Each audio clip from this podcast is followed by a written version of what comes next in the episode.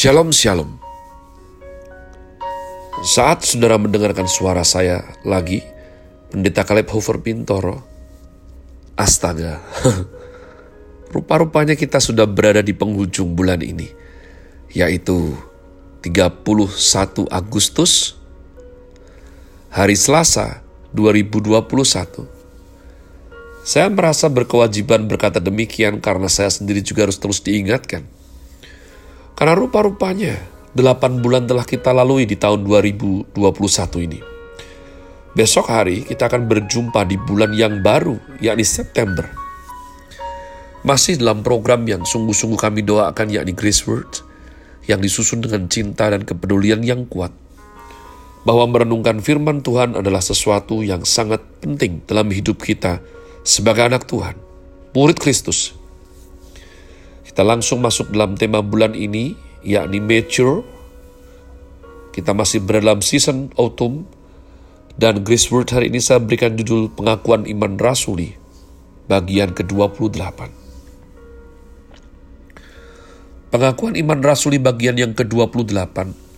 Mari jangan jemu, jangan berani bosan.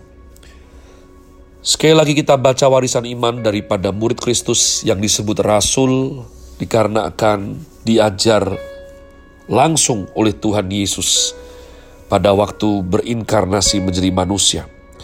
Aku percaya kepada Allah, Bapa yang Maha Kuasa, Khalik langit dan bumi. Aku percaya kepada Yesus Kristus anaknya yang tunggal Tuhan kita, yang dikandung dari roh kudus, lahir dari anak darah Maria,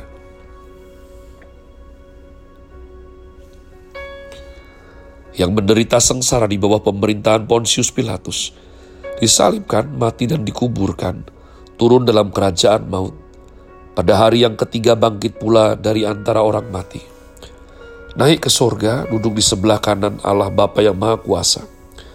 Dan dari sana ia akan datang untuk menghakimi orang yang hidup dan yang mati. Aku percaya kepada roh kudus, gereja yang kudus dan am, persekutuan orang kudus, pengampunan dosa, kebangkitan orang mati, dan hidup yang kekal. Amin.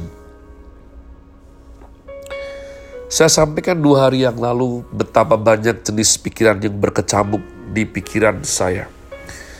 Satu sisi saya merasa tidak bodoh, satu sisi saya tidak tahu kalau saya sok pintar umat Tuhan. Ya, Orang yang melakukan aktivitas sok pintar itu mungkin salah satu ciri khasnya harus tidak tahu kalau dia sok pintar umat Tuhan. Ya, ada orang bodoh sok pintar. Tapi paling tidak saya lumayan tidak bodoh namun tetap tidak bisa membenarkan bahwa sok pintar itu bagus. Sok pintar tidak bagus umat Tuhan. Namun ber Lalunya waktu, saya tiba-tiba sadar bahwa rasio pikiran itu tidak bisa menjadi jawaban semua permasalahan hidup. Pikiran itu sangat terbatas sekali. Pikiran yang terbatas bagaimana bisa mengenal Tuhan yang tanpa batas? Tidak bisa. Tuhan Allah berkata kepada Bapak Yosua, neither nor, Ya, kemarin kita belajar either or umat Tuhan. Salah satu atau neither nor ada sesuatu yang berbeda daripada keduanya. Maka pikiran ini mulai loncat. Bukannya tidak percaya kalau rasio itu penting. Rasio sangat penting. Ya, kalau kamu tidak belajar, dan memulai hobi yang bagus yakni membaca, memperluas wawasan, kamu akan mengalami berbagai macam hal bodoh dalam hidupmu. Jadi bukan rasio itu tidak penting. Namun saya tercerahkan, rasio tidak mutlak. Rasio tidak mutlak. Rasio terbatas umat Tuhan. Jadi mengenal Tuhan harus melampaui pikiran harus ada anugerah. Maka saya mulai berdoa, ya Tuhan yang baik. Tolonglah aku. tolonglah aku, aku pengen mengerti engkau. Aku rindu mengenal Tuhan. Maka saya menemukan hasil daripada penulisan René Descartes, seorang filsuf Frans, Prancis umat Tuhan. Beliau adalah bapak filsafat modern dan matematika modern tentang pikiran dan keraguan. Maka saat saya ragu, saya tidak boleh meragukan bahwa saya sedang ragu, umat Tuhan. Ya, kau bisa ulang ini. Pikir benar-benar. Pada saat saya ragu, saya tidak boleh ragu bahwa saya sedang ragu. Dari situ, rasio menyentuh batasannya. René Descartes berkata bahwa I think, therefore I am. I think, therefore I exist. Saya berpikir, maka saya ada. Dalam sisi lain, kita itu ada bukan karena berpikir. Kita ada karena diciptakan Tuhan. Namun ini ada betulnya umat Tuhan. Yaitu apa? Keberadaanmu ditentukan karena kamu mikir. Makanya ada orang-orang yang ada nggak ada nggak jelas tujuan hidupnya. Karena nggak pernah mikir umat Tuhan. Kau harus mengerti otak itu diberikan sama Tuhan buat semua manusia. Tapi rupa-rupanya tidak semua manusia itu berkeberhasilan menggunakan otaknya dengan maksimal. Saya berpikir maka saya ada, saya berpikir. Saya memakai pikiran meragukan semua. Tetapi saya tidak boleh ragu bahwa saya sedang berpikir. Boleh ragu, tidak boleh ragu bahwa saya sedang ragu. Ya, Cermati baik-baik. Jadi saudara bisa bayangkan pada waktu saya tidak bisa tidur, pada waktu malam panjang, pada waktu saya belajar, hal-hal seperti ini itu seperti main pingpong di otak saya umat Tuhan. Namun hasilnya memang penting bagi pola pikir saya. Saat sedang ragu, saya ada karena saya bisa berpikir meragukan adalah bukti saya masih hidup. Ya. Maka umat Tuhan jangan jadi orang yang tidak berpikir dengan tuntas. Kalau melakukan firman Tuhan justru ragu-ragu.